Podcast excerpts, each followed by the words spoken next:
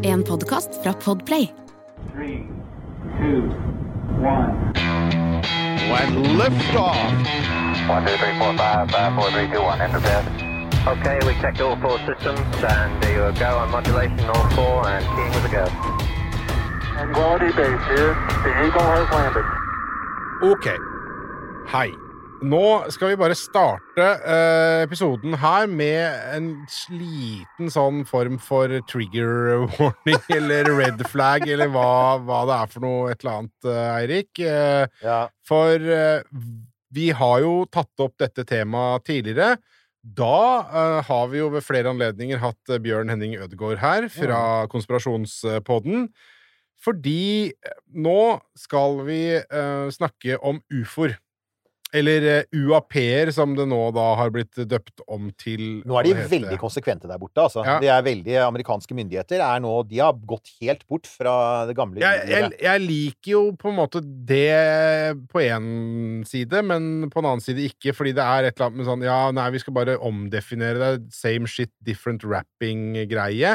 Men det er en sånn Ja, nei, altså, vi må ta bort dette objektet til altså, Det er begrepsbruk, det, det- ikke sant? det Semantikk. Ja, det fins et godt sånn faglig argument for det. For at når du sier uh, unidentified, unidentified flying object, så har Ja. du gjort to antakelser. Nummer Ja. én at det flyr. Det Ja, vet vi faktisk og at det er et objekt. Og nummer to at det er et objekt. Så UAP står jo nå for unexplained, ikke aerial phenomena lenger, men anomalous phenomena. De har bare, de har bare bytta ut um, ord i midten. Og på norsk så blir det uforklarte, uvanlige fenomener, så dere kan kalle det for uff, Ja. om dere har lyst til det. Ok, da skal vi snakke om uff, og det er disse containerne som står rundt hvor folk kan levere inn tøyet sitt. Ja. Eh, og midt oppi dette, som i Altså, jeg vet ikke om det er eh, mot bedre viten eller med bedre vitende bak. Det er eh, igjen Hei, Pål Brekke, du har rota deg inn i dette.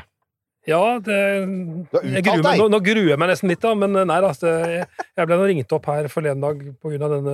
dette NASA-panelet som er satt sammen, så da svarte jeg lite grann, og det, ja, det trigget jo en del folk allerede.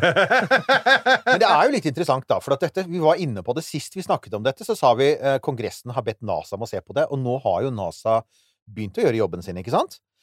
Og de hadde som du sier, er et panel, og de har noe sånn som 800 sånne UAP-rapporter som de har begynt å se på. Altså, problemet er jo at det er jo litt vanskelig å se på dem, for å si det sånn. Det er ikke alltid så Men, eh, men uansett, da. De hadde jo et svært møte, og så kom de med noen anbefalinger, og det syns jeg var litt interessant. For det var sånn for første gang i denne diskusjonen For at, altså, vi har vært mye frem og tilbake i denne diskusjonen om hva det er, og hva kan det være, og masse spekulasjoner, ikke sant? Men her syns jeg, jeg Det jeg likte når jeg så gjennom utskriften fra hva som var sagt, da, så hadde de jo noen konkrete forslag, ikke sant? Altså Ja, altså det panelet, det som er fint, da, synes jeg, med at NASA blir, har fått et oppdraget, kan du si, og det er ikke bare NASA-folk som sitter her, de har jo et panel med mange folk som bare alt fra eh, havforskere, astrofysikere til journalister, for å få bredt spektrum. Og, og det at det er NASA som gjør dette her, så er de liksom ikke Pentagon og noe sånn hemmelig militære. Så de åpner liksom litt opp hele denne debatten og diskusjonen, da, kan du si. Men eh, altså, kan du si, hvis du skal nevne én ting som kanskje er det viktigste her, det er jo at eh, man har for dårlige observasjoner av disse tingene. Man ser noen sånne grumsete lys her og der. sånt. Eh, vanskelig å tolke når man ikke har gode data. Og det er jo det de legger da et sånn veikart da, som sier at vi må få et bedre observasjonssystem hvis man skal kunne løse gåten om hva de, de få tingene man ikke kan forklare her. Altså, Sjefen for panelet, David Spurgel, han sier noe veldig fornuftig om dette. Han sier NASA er et offentlig organ, det er et åpent organ som eh, oppmuntrer til bruk av den vitenskapelige metoden for å se på resultater, men vitenskap kan bare gjøres ordentlig når det er data man kan jobbe med, og du kommer ikke til å lære mye av uklare bilder fra 1950-tallet. Burn! Ja, Ja, men det er det. Ja, ja, og, og der, der I det så ligger det en ting som jeg syns er fint her, da. Det er jo det at eh, Og det sier jo også den her eh, oss Jeg vil ikke kalle det bevegelse, men den nye måten å behandle UAP-er på, da, er at eh, nå skal vi behandle det med jeg vet ikke, jeg skal bruke ordet respekt, men altså at det skal eh, undersøkes ordentlig. Det som er noe å undersøke, skal undersøkes ordentlig så langt det lar seg gjøre å undersøke det. Eh, fordi det som jo har vært, og fremdeles er, en veldig sånn rådende holdning blant vitenskapsfolk og folk som har greie på ting i verdensrommet, er jo det at eh, dette her er jo bare gærninger og litt sånn semireligiøse vekkelsesfolk som ser ufoer, og som tror på ufoer, og som mener at UAP-er faktisk er et flyvende objekt, da. Det er, en, det, er en, det, altså det er en skremmende høy prosentandel som er folk fra indre Tennessee som kjører moonshine midt på natten, og som blir hentet opp og blir probet på unevnelige steder. Det er en høy prosent av det. Ja, det men det, det. men, men det, det som er fint, da, det er at nå tas de jo på alvor. Så man har jo Pentagon har opprettet noe med et sånn veldig Pentagon-navn. All Domain Anomaly Resolution Office. Det er så deilig. Det er sånn joint sånn joint eh, ikke sant? All domain. Ja, all- ja, det er så den deilig. Der, der. Å, Ja, det, det er så er deilig. fader, meg, Da veit du at du har et mandat som strekker seg fra det dypeste av havbunn til det Men altså, høyeste saken, verdensrom. der er jo, der, saken der er jo at de mottar 50-100 rapporter i, i måneden, sier de, som de tar på alvor. Altså som ikke er disse her eh, hillbilliene. Og AARO, ARO, deres oppgave da er jo å samle disse dataene og presentere årvise rapporter for Kongressen. Og det de sier, er at nesten alt de får inn, er ting som veldig raskt kan konstateres er kinesiske spionballonger, eller igjen, det er flygende Det er liksom sånn eh, 1930-flyet til, eh, til Cleveland, ikke sant? Ja, ja. Um, men de sier mellom 2 og 5% er det de da regner som anomalier, dvs. Si ting som ikke lett lar seg forklare. Men det de også understreker, og det også NASA understreker veldig tydelig, er at det betyr ikke romskip. Det betyr bare at f.eks. at dataene ikke er gode nok. Man kan per i dag ikke avgjøre hva de tingene er. Og det er jo derfor NASA har gått inn i denne diskusjonen og sagt og sier ok, hvis vi skal finne ut hva de 2-5 prosentene er, hvilke tiltak trenger vi å sette inn? Ikke sant? Og de, de nevnte jo også en sånn eh, rapport fra Pentagon som, eh, fra 2014 fram til i dag, hvor jagerpiloter har sett eh, objekter da, som de ikke skjønner hva er. Og da var det eh, bare én av de 144 observasjonene som ikke kunne forklares med Ja. et naturlig fenomen. fenomen. Ja. Så du sier at det er, de, de fleste er lett å forklare. og eh, Norsk Romsenter har jo lagt ut en egen hjemmeside, eller sånn eh, artikkel, som da går gjennom alle de tingene folk oftest ringer oss for da, når de har sett et eller annet lys på himmelen. Og der har vi vel 15 ulike ting da, som forklarer det meste. Så igjen, det meste er godt forklart hvis man bare har litt gode data. Men jeg vil bare få lov til å bringe dette her bitte litt hjem, da. Eh, ofte ringer dere om? Altså, hvor ofte ringer noen dere om sånt? Det er ganske ofte. Noen ganger så kan det være eh, Hvis noen har sett noe, så er det ofte flere som har sett det samme objektet. Og det, ofte så er det bare en planet, eller et fly som skal lande, eller en oppskyting fra Andøya, eller Starlink som har skutt opp eh, Eller SpaceX har skutt opp Starlink. Og når den andre trinnet starter, så får du sånn der, det ser ut som en sånn, eh, nesten sånn gjennomsiktig glassmanet på himmelen. ikke sant? Så stort sett så kan man forklare alt. Starlink, eh, rekka med ja, det er, den, den er verdt å gå inn og kikke på. da. Så hvis man kikker på den først, så slipper man ofte å ringe noen. da. Og så er det jo også sånn at uh, en del av disse jagerflyobservasjonene er jo da De er registrert. Men som NASA påpeker, et kamera som brukes til targeting for et jagerfly, er ikke egnet til å hente ut data fra et ukjent objekt på himmelen. Og det har Sant. vi jo vært innom tidligere. Det har vi vært innom tidligere. Så, så at instrumentet, at, at, at det blir en blob i et sånt kamera, er ikke så rart, for det kameraet er bygd for noe helt annet. Ja. Men en annen ting som er viktig å si, er jo at uh, masse av de dataene som tas, bildene som tas fra et jagerfly, de er jo ofte uh, klassifisert. Ja. Og ikke klassifisert, men uh, det heter eh, Gradert. Graderte. Sånn at eh, i prinsippet, da, hvis et jagerfly, et F-16 fra, fra hangarskip her ute som lå her i Oslo nylig, mm. fløy over og tok et fantastisk fint bilde av operaen, så vil det bildet være gradert. Ja. Ikke av at operaen er noe hemmelig, for, men Mm. det bildet vil da kunne si noe om hvilke systemer som finnes om bord i flyet, hvilken sensor de har, osv. Derfor så blir nesten alle sånne jagerflybilder graderte. Så man får ikke så lett tilgang til de igjen. Så det er også et problem for forskere som ønsker å forske på det. selvfølgelig. Og, og er det lov til å komme en liten digresjon her? Ja, det er forresten, det er det. Eh, For jeg er, jeg, jeg er en av de som kan bestemme det, ikke sant? Vi, vi snakket for ikke så lenge siden om Skylab, og Skylab tok også masse bilder av bakken. Høyoppløselige jordobservasjonsbilder, og de tok det første høyoppløselige jordobservasjonsbildet av Area 51. Ja. Ja, mm. Og NASA sleit fryktelig med hva de skulle gjøre med det, for det var jo, de er en sivil organisasjon. Så det de gjorde, visstnok da, var bare at de dumpet i arkivet sitt og håpet at ingen ville oppdage det, og det tok mange år før noen fant det. Lenge leve ikke digital film Ja. med metadata. For at når du bare sier ja, vi har et, vi har et svært filmflak her med Area 51, og så bare håper vi ingen finner det. Men, ja, du, det, det var, men det du skal ikke ljuge, men du trenger ikke velte deg i sannheten. Nei, dette her var en veldig sånn søt, hvit løgn. Ja. Men tilbake til dette, da. Det er dette med, med bedre instrumenter. Og NASA er jo Altså, det NASA kan, da, i motsetning til Luftforsvaret Det er mange grunner til at dette det er ok at vi nå får det over til NASA, for at folk går rundt og automatisk antar at UAP-er er, er romskip. Mm. Og at det da skal Altså, samtidig så er det stort Så observeres de jo alltid i lufta. Eller altså en sjelden gang på bakken, men det er, da er vi tilbake i Tennessee igjen. Men de, de, det er ting som observeres i lufta, så da er det Luftforsvaret som har fått ansvar for det. Men de har jo da ikke instrumentene, og heller ikke egentlig kompetansen til å avgjøre det. NASA har det. NASA har jo alle disse forskningsinstitusjonene og kameraene og satellittene. Så, så det er jo en av de tingene de begynner å, som panelet snakker om, da, som jeg syns er ganske interessant. Og det de peker på, er jo at en del av de instrumentene de har, altså sånn type De store romteleskopene kan du ikke bruke til, ikke sant? Altså Vi har jo hatt Håkon Dale her. Hvor mange, hvor mange år var det du må stå i kø for å få tatt et bilde med dem, ikke sant? Ja, ikke sant? Så, så de, altså de store romteleskopene har ikke fleksibiliteten å si 'Å, nå flyr det en UAP over Kentucky', ikke sant? Beklager, men det er disse statene er litt dominerende, altså. Eller Alabama. Ja. Altså, og kan du, kan du peke web mot det? Nei, du kan ikke det. Du kan ikke peke, du kan ikke peke Hubble mot Men det. du må ha det egne UAP-kikkerter, da. Ja, det er det, da. Og så er det på personvernhensyn. er Altså, han ønsker ikke heller at alle romteleskopene skal peke ned mot USA. For da har du jo igjen militære områder og andre ting som man ikke ønsker å Så, det- så det er også en utfordring da, med at, eh, og sikting av alle instrumentene.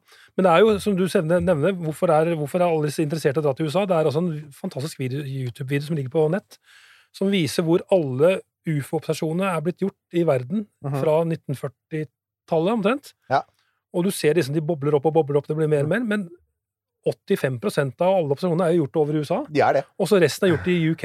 Ja, resten av verden er ikke. Hvorfor er de så interessert i disse to landene, bare? Det er, det, er, det er faktisk altså, Den biten der er jo det som gjør at jeg husker Allerede på 1980-tallet så var folklorister som forsker på sånn myter og religioner, folketro, var jo allerede da inne på at det at det er så veldig Ikke bare er det veldig internt i USA, men det er faktisk visse områder av USA som er dominerende. Og det er også visse samfunnsklasser. Sjansen for at du ser en ufo som akademiker, er mye lavere enn sjansen for at du ser en ufo hvis du har lav utdanning. Bottom line, altså med, med det blotte øyet. Sant? Nå er det mye jagerflypiloter, men historisk sett så har det vært veldig mye det. Altså, det er jo ikke noe i veien med det, men det er et hint om at det er kanskje en best altså at det ligger mer bak dette fenomenet enn at det bare kommer romskip til jorda. Fordi man dermed, når man mangler på en måte vekttall og den type ting, er raskere til å trekke en konklusjon som ligner på religion enn eh, andre. Det er de mest religiøse delene av USA, og det er også områder som har hatt mye folketro. Altså, Ja, man, ikke sant? man har jo Det er ikke så vanlig i våre dager, men den gangen så kalte man jo ofte de mest intense liksom ufo-greiene for sånn de sammenlignet med tusser og troll. ikke sant?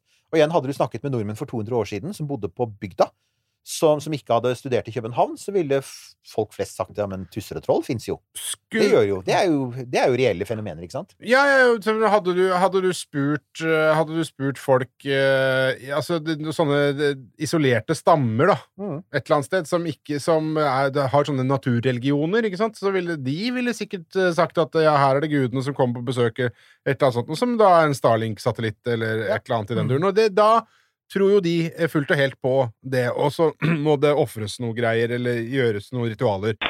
1202. Apropos det der med hvor mange henvendelser sant? Hvor mange henvendelser får du, da? Uh, I fjor høst, da var det faktisk en del. Da kom det flere om dagen som sa liksom Hva er dette rare? Til, også på, på SMS og sånn til meg, da. Mm. Sa hva, hva Jeg ser 30 ufoer på, på, på retning nord. Mm. Da må man si at det er Starlink, og du kan sjekke forsiden av VG nå, for de har faktisk en film som viser det, ikke sant? Mm. Um, men det er klart at hvis du ikke hadde hatt tilgang til nettet og, og så 30 stjerner på en rett linje lyse over deg, Det er jo klart det er en inv- invasjon fra verdensrommet. så ville du ha trodd det er et romskip, og du ville hatt rett! Det er jo morsomt, da. Ja. Da ville du faktisk hatt rett.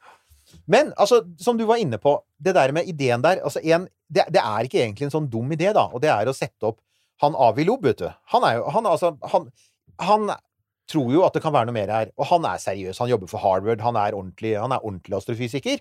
Han er ikke bare Det er litt mange av disse her eh, Når folk sender ting til oss, så sender de ofte sånne lenker til publikasjoner som er sånn Det er en fyr med sitt eget institutt, ikke sant? Som utgir et helt klart sånn The Galactic uh, Ja, ja. for, for Study of the. Unexplained, ikke sant? Ja. Men, men Avi Lob er, må man ta på alvor. Han har noe som heter Prosjekt Galileo. Og det handler jo om blant annet å se etter um, eh, å se etter UAP-er, og han driver og setter opp kameraer nå.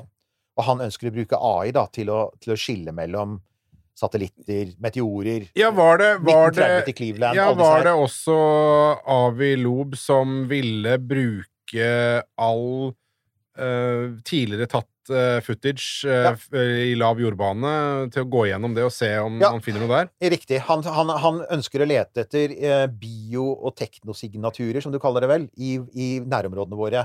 Og vet du hva, altså, der, det, det, det, det jeg syns er greit med han, er at han, han driver ikke og finner Altså, det, det er innafor kjent fysikk. Mm. Altså, har det vært noen her, så er det en fornuftig strategi. Og det er ikke utenkelig at det har vært noen her. Det er faktisk mer tenkelig at det har vært noen her, enn at det er noen her nå, for det er et mye større tidsrom. Ja.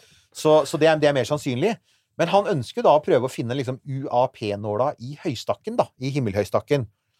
Det, og, og det kan jo hende at Hvem vet, kanskje NASA-panelet etter hvert Vi skal jo komme med anbefalinger nå i juli. Kanskje de foreslår det at man setter opp noe sånn Fordi de, Det som mangler så ofte, det er jo når man har sett et, eh, et, et kamera tatt bilde av en av lysende objekt da, som virrer rundt på en video eller noe sånt, noe, så er jo ofte et bilde ikke nok. Nei.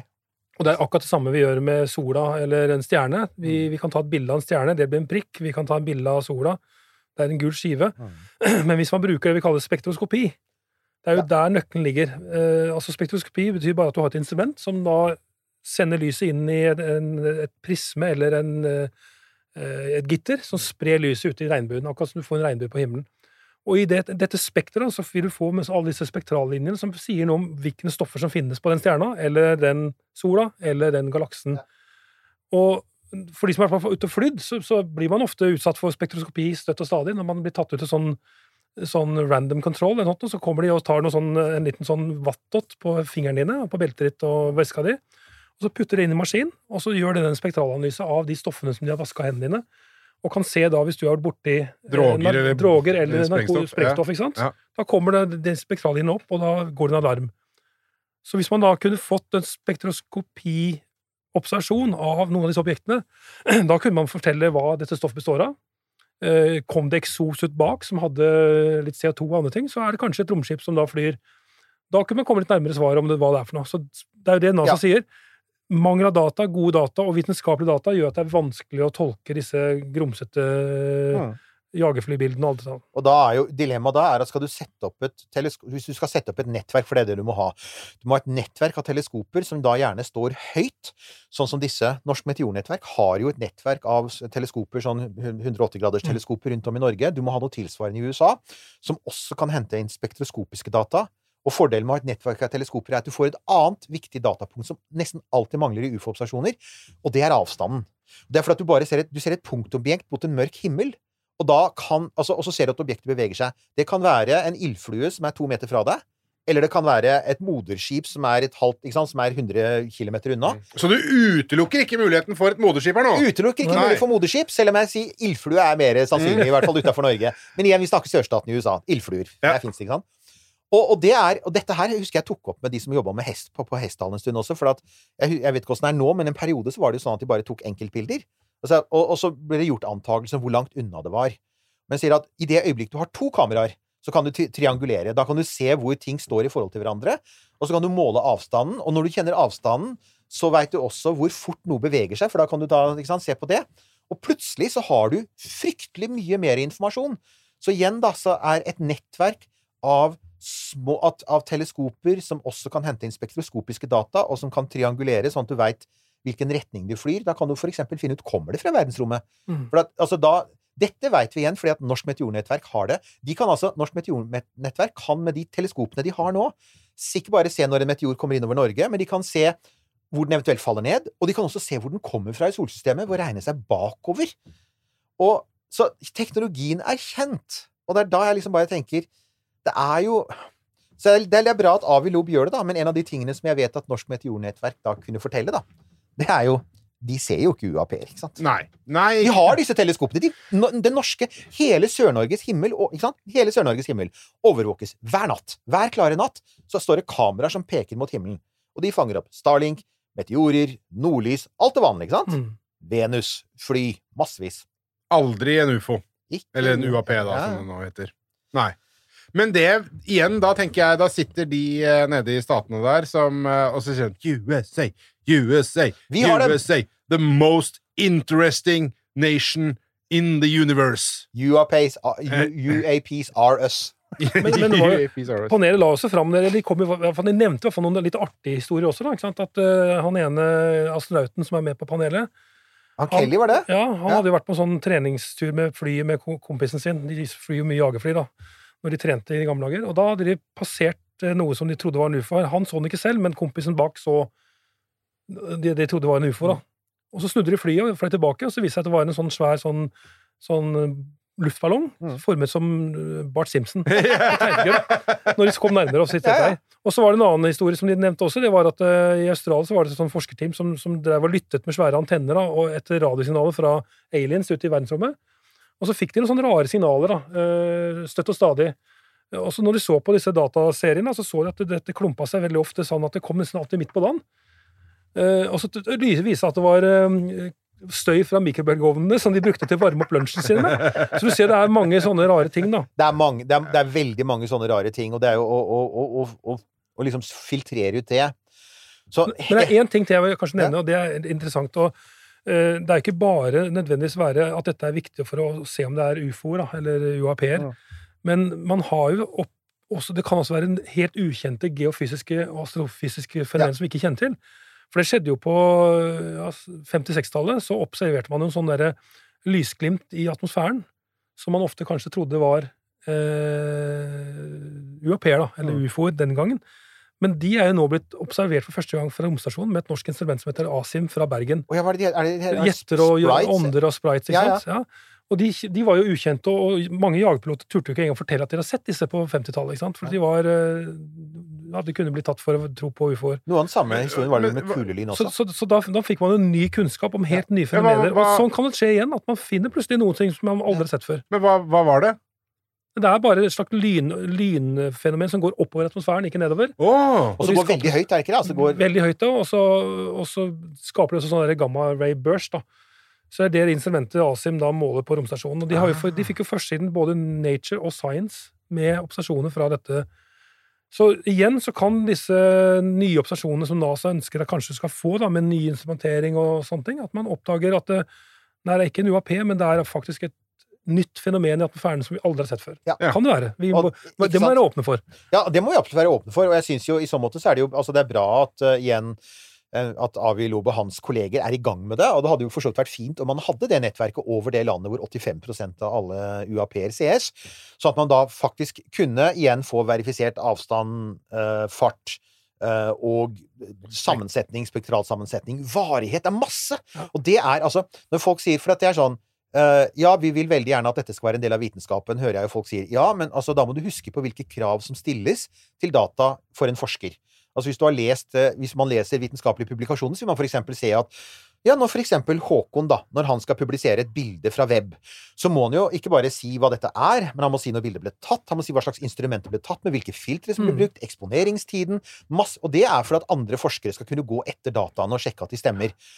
Ingen Altså, det må jeg si, for, for 99% av UAP-data så eksisterer det knapt det vi kaller metadata.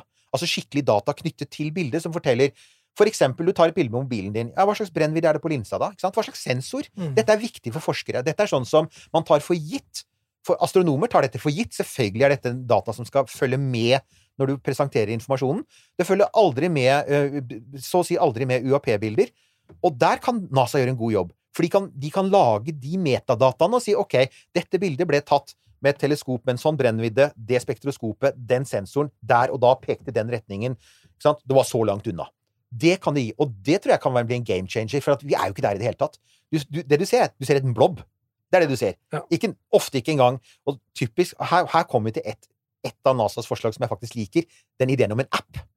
Om en UAP-app. Du kan installere på mobilen din. Ser du noe rart på himmelen, så bare fisker du opp mobilen, og så tar du bildet. Og så vil appen automatisk forsøke å finne ut hvor er du hen, hvilken retning peker du i, himmelretning, når på døgnet er det, ikke sant? Hva slags kamera er det tatt med, hvilket filter er det tatt med, alle de der vanlige, altså alle de tingene du trenger for å si noe om det. Problemet med det, Eirik, er at veldig mange av de, tror jeg, som ser ufoer, skråstrek UAP-er, nok ikke vil være villig til å godta brukervilkårene for denne appen, fordi det er posisjonering, og det er mye andre sånn. De vil ikke gi fra seg metadata. Men Ja. nå gikk jeg i den fella som man måte skal passe seg for å ikke gjøre, da. En- Hvis man på ekte mener at man skal se på dette her, er jo nettopp det med den der latterliggjøringa. er fordi hvis man på ekte mener noe da åpenbart NASA gjør, at man skal se på dette, så må man jo fri seg fra en hel masse sånne gamle holdninger. Ja, jeg tenker at om ikke noe annet, da altså, det, NASA er eh, Panelet syns dette kan være en idé. Det de sier, er at du må få nok volum på det for at observasjonene skal bli bra nok.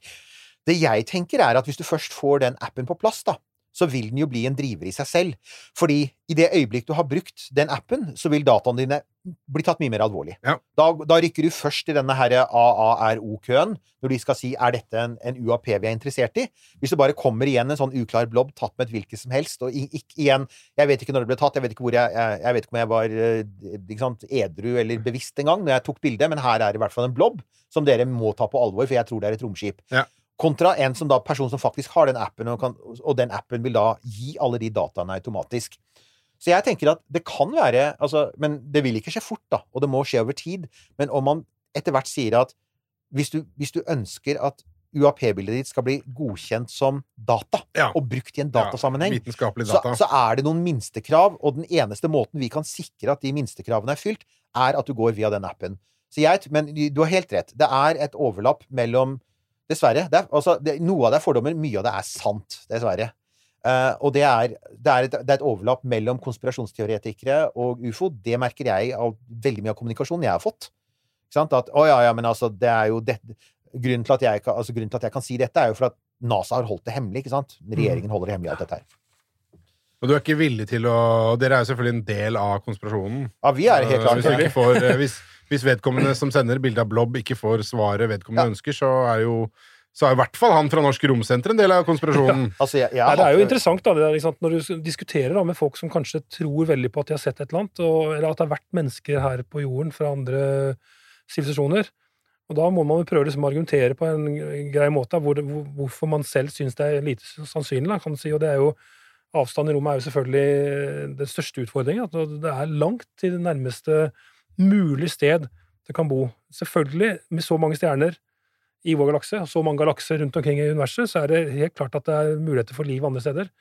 Men at vi skal kunne kommunisere med noen så langt borte, eller at de skal komme og besøke oss, det er da jeg liksom er litt skeptisk til at um, det er, det, det, Med vår fysikk da, så er det vanskelig å tenke seg at man skal kunne reise så langt. Og, og så er det det at jeg syns det er ganske utrolig rart hvis de kommer reiser altså i så langt, da. Og så det eneste de gjør her, er at å, trekke ned noe gress og lage en kornsirkel, og så reiser de igjen uten å si hei. Det er Ja, altså, det er, jeg- er helt enig, og det har jo også litt å gjøre med Alt vi vet om fysikk, sier jo at for å kunne reise hit Vi har hatt en tidligere episode hvor vi snakket litt om eh, disse romskipene som vises i Avatar-filmene, for det er faktisk noen av de mest realistiske romskipene du har sett på film. Og det er fordi James Cameron satte seg ned med noen fysikere og han liksom sa kan dere drodle litt, hvordan ville et realistisk stjerneskip se ut, ikke sant? Ja, de er kilometerlange. De er kilometer, altså Du frakter ikke veldig mye, men de er kilometerlange, fordi at skal du få den enorme hastigheten først opp, og så skal du bremse ned den enorme hastigheten, så trenger du enorme mengder energi, og det fins ikke noen kjent måte å forbruke enorme mengder energi på uten at det tar litt plass. Så da vil du, derfor, apropos moderskip, ja, du ville helt klart det er, ikke, det er ikke mulig med vår fysikk, så er det ikke mulig å forestille seg at det kommer noe lite inn i jordas atmosfære uten at det i nærheten, eller i vårt solsystem, er noe kilometer stort. Og da kan jeg si at hvis det er det, da vil vi se det, for at det er sånne ting vi ser etter nå. Altså, vi leter jo etter nær jord-objekter og slike ting, så himmelen overvåkes jo hele tiden. Oumuamua er et veldig godt eksempel. Og selvfølgelig, som du også var inne på, dette her med Norad, som da ikke er den gamle hjelpeorganisasjonen, men amerikanske det, Er det Luftforsvarets sånn Ja. radar og de, de driver jo overvåkner atmosfæren med radar og teleskoper hele tiden. Men ikke bare Norad. Dette er noe som ESA har begynt med. Altså SSA-programmet til altså Space Situation Awareness heter det før. Eh, Romsøppelsituasjonen, ikke sant? Nå heter det Space Safety, er det vel eh, programmet heter nå. Ja.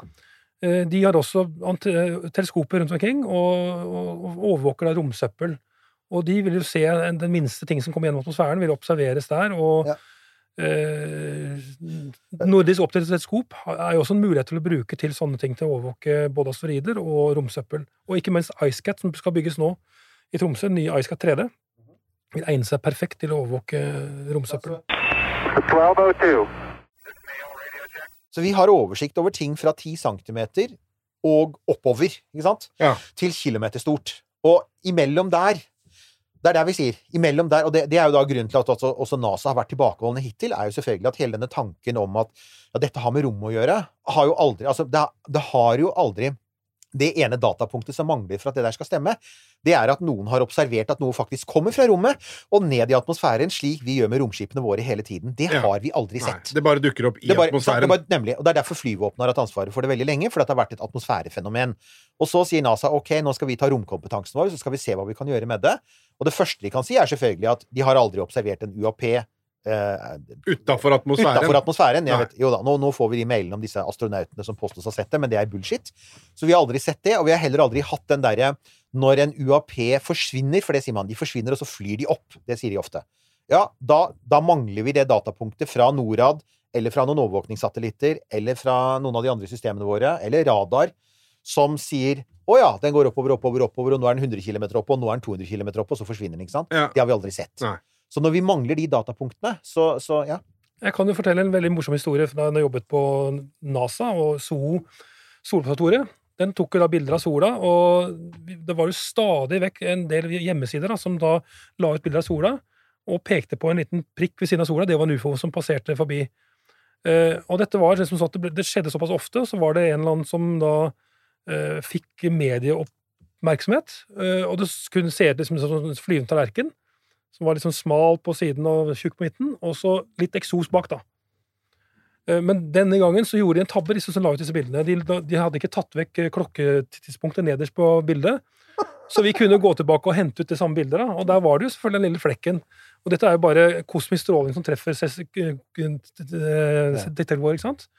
Og så brukte vi bare en sånn standard sånn default fargetabell i, i DL som vi brukte, og så lagde vi da helt identisk bilde med samme fargetabell, alt mulig. Mm. Og så fikk vi oppslag i, i CNN om dette her, ikke sant. Eh, Det sto at SO-teamet eh, lagde sin egen ufo, og klarte å tilbakevise det. da. Det var litt morsomt. at vi, ja. Altså, En av de tingene som er litt sånn mer sånn problematisk, som NASA er inne på, da, det er når de nevner eh, S-ordet stigma.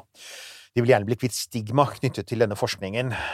Og det, altså, På en måte så skjønner jeg det, for at hvis, hvis forskere eh, blir hetsa eller får mye motbør, da, får mye pepper for at de jobber med, med UAP-er, så er det klart da får vi ikke gjort den forskningen som kanskje trengs her.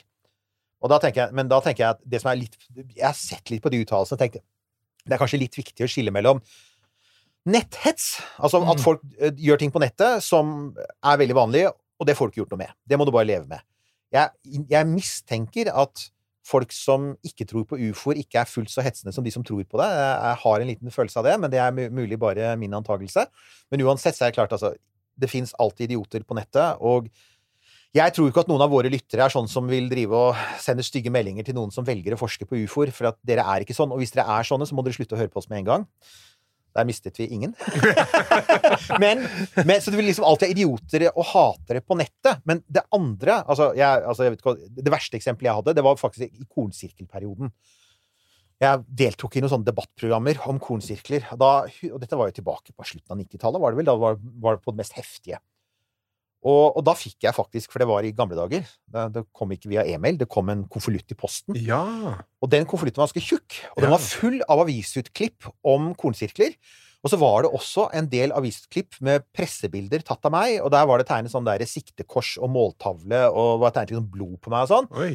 Ja, og jeg, altså, jeg syns jo dette bare var tull, så jeg bare heiv det. Jeg tenkte ikke noe mer på det. I dag ville jeg kanskje ha politianmeldt det, for man gjør det jo. Eller kanskje sagt 'Å, det var en drapstrussel', men det er liksom Men det er et eksempel. Det var liksom det verste jeg har opplevd, da, av folk som tror veldig på dette, og som blir supersinte. Ellers er jeg selvfølgelig blitt kalt idiot på veldig mange kreative måter opp gjennom årene. Eh, Men, men, ja, men altså det. Jo, men, men det er liksom hva det er. Det er bare jo, sånn det men er. jeg tenker at en viktig, et viktig aspekt der, da, er Det er liksom den der setningen som står på slutten av vignetten på X-Files, eh, hvis noen husker det. Dere som er yngre, får gå tilbake i et eller annet strømarkiv og se på det. Der står det I want to believe.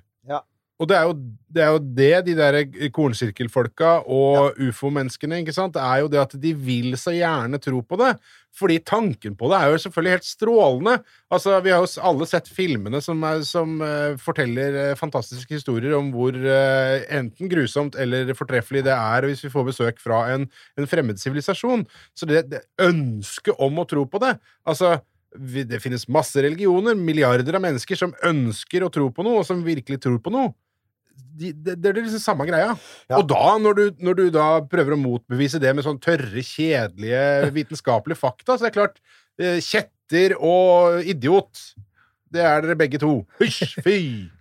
Ja, men det er jo sånn, men, men, men den tingen som kanskje er mer interessant her, er eventuelt faglig stigma. Altså, hvis du som fagperson opplever at kolleger ikke tar deg på alvor, da. Og, og det og, altså det er jo, For det første så er det forståelig, man, for at igjen, disse folka her har bidratt til å ødelegge dette feltet ganske grundig. Altså fundamentalistene og ekstremistene, som Mm. det faktisk er. Og så har det, du skal ikke glemme, dette har vært et felt som har vært preget av mye svindel. Mange av dataene er rett og slett forfalska. Og så er det mye dårlig data. Så at, at, en, altså at for eksempel en uh, astrofysiker kan mene at en annen astrofysiker som ber om tid, da, som observasjonstid på et, et instrument med begrensa observasjonstid på noe sånt noe, kan mene at det er tull og tøys. Det, det kan ha noe for seg. Det fins jo faktisk en film Jeg kommer til å tenke på at det finnes en film som handler om det, og det er jo Contact, vet du. Mm. Den handler jo egentlig altså, Den er Du kommer stadig tilbake til Contact. jeg gjør det, for at den, Ja. den, ja, men det er blant annet for at altså, den er jo skrevet av en astrofysiker, det er én ting. Carl Segen var det. Mm. Han jobbet med livet i universet. Det var fagfeltet hans. Han var kanskje en av de aller første exobiologene, for han, var jo også, han hadde jo også doktorgrad i biologi. Og han skriver jo både i boka og filmen som etter hvert ble laget basert på boka, om, om, om litt det faglige stigma. Mm. Og han kunne skjønne det, for han skjønte at det, det var mye tull og tøys. Og, men, og, og derfor så er det, ser du da Det er én scene i den filmen som er en sånn nøkkelscene der, og det er hvor hun som Jodie, Jodie Foster spiller, hun får avslått nok en søknad.